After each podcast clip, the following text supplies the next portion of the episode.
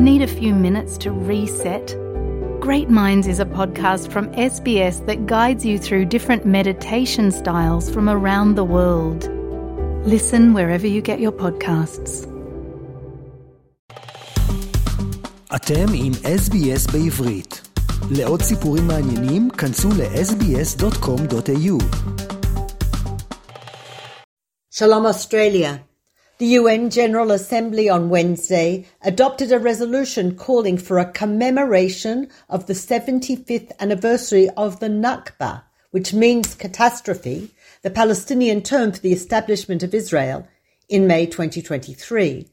The initiative was sponsored by Egypt, Jordan, Senegal, Tunisia, Yemen, and the Palestinians, and passed by a vote of 90 in favour, 30 against, and 47 abstentions. Australia was one of the countries voting against the resolution.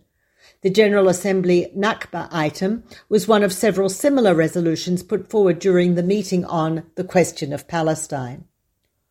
UNRWA, the United Nations Relief and Works Agency for Palestine, said on Wednesday that it had discovered a man-made cavity underneath a school in Gaza, calling the excavation a breach of law and a threat to children and staff. The agency protested strongly to the relevant authorities in Gaza to express outraged condemnation of the presence of such a structure underneath one of its installations. It's not known if weapons were stored in the tunnel, not the first to be discovered under a school. UNRWA did not respond to a request for further information.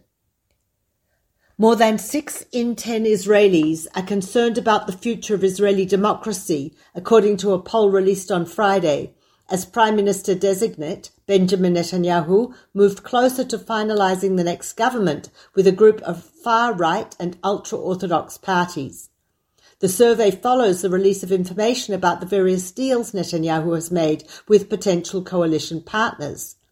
The Likud party has agreed to a demand from ultra Orthodox parties to end official state recognition of conversions performed outside the chief rabbinate the High Court of Justice has ruled that any conversion performed by an established community in Israel, including from the reform or conservative movements, would be recognized by the state for the purpose of citizenship, and also issued a ruling recognizing conversions performed by Orthodox but non-rabbinate conversion courts.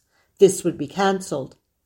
In the deal with Otzma Yehudit, Netanyahu agreed to appoint party chairman Itamar Ben-Gvir as national security minister with authority over Israeli police and border police's division in the West Bank. He also agreed to advance the legalization of dozens of illegal Israeli outposts throughout the West Bank. In the deal with religious Zionism, Netanyahu agreed to name party chairman Bezalel Smotrich finance minister in addition to transferring control over a pair of Defence Ministry bodies responsible for authorising settlement construction, Palestinian home demolitions, and broader control of Palestinian civilian life to a member of his party, possibly Smotrich himself, who will serve as a junior minister in the Defence Ministry.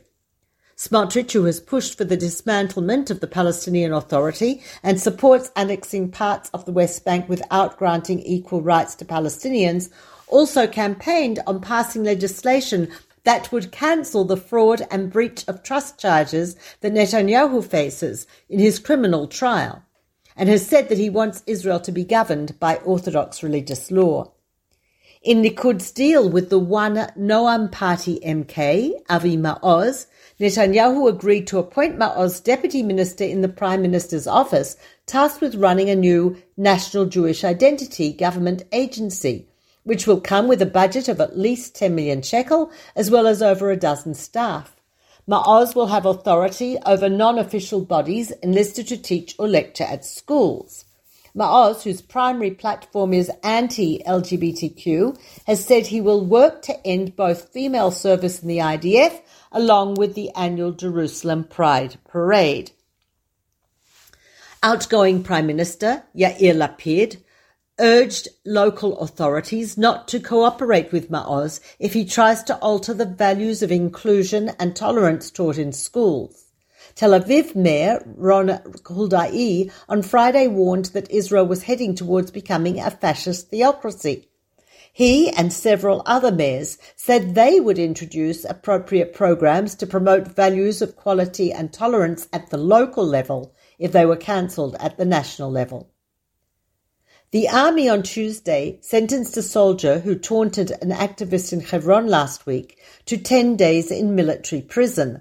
The previous Friday, the soldiers confronted an activist and, bo- and boasted, Ben Gvir is going to sort things out in this place. That's it, you guys. You've, you've lost, the fun is over.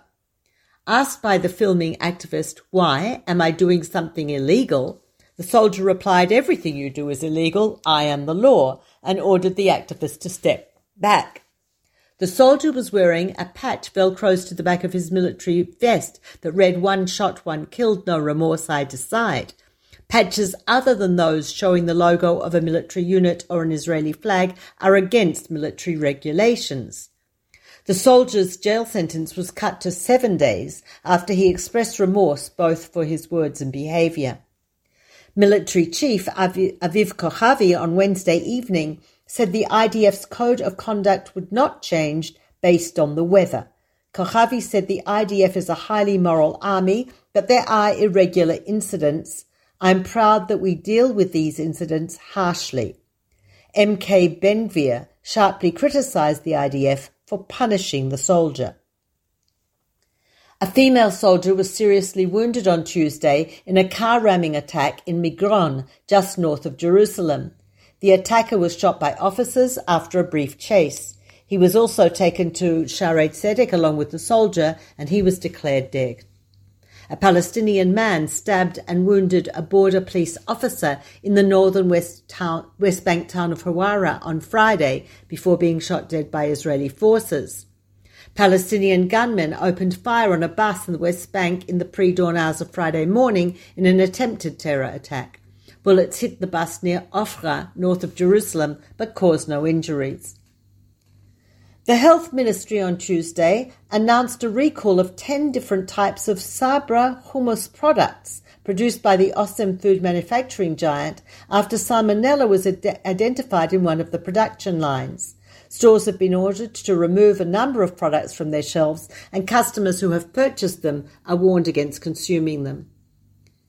The opening hearing in the evidence stage of mutual lawsuits between Yair Netanyahu and former Labour MK Stav Shafir was held this week. Shafir is suing Netanyahu, the oldest son of the Prime Minister designate, for sexual harassment over posts he wrote about her on Twitter. Netanyahu lodged an, a retaliatory lawsuit over Shafir's own social media posts. Netanyahu was ordered by the judge to leave the Tel Aviv's magistrate's courtroom for interrupting Shafir as she gave her testimony and at one point was heard calling her a bitch. Shafir began proceedings by rejecting a request from Netanyahu's legal team that she drop her lawsuit against their client. She said, if I thought there would be a change in his behavior and violence, I would consider it. Figures released on Monday by the State Comptroller's Office revealed that 25% of women are subjected to sexual harassment or abuse while performing their obligatory national service in the Israeli police, border police, and Israel prison service. The report was largely based on a survey of conscripts in the three forces. The report found that harassment is for the most part committed by professional, non-conscripted members of those forces, including commanders, and when reported is either insufficiently addressed or not addressed at all. Police arrested two Palestinian teenagers who filmed themselves threatening an ultra Orthodox man in Jerusalem and ordering him to bend down on his knees and kiss one of their feet in a video that they later uploaded to TikTok. The clip was captioned with the line, Look how he kisses his shoes, with a laughing emoji. This is Peta Jones Pellach reporting for SBS Radio from Jerusalem. רוצים לשמוע עוד סיפורים? האזינו דרך האפל פודקאסט, גוגל פודקאסט, ספוטיפיי, או בכל מקום אחר בו ניתן להאזין לפודקאסטים.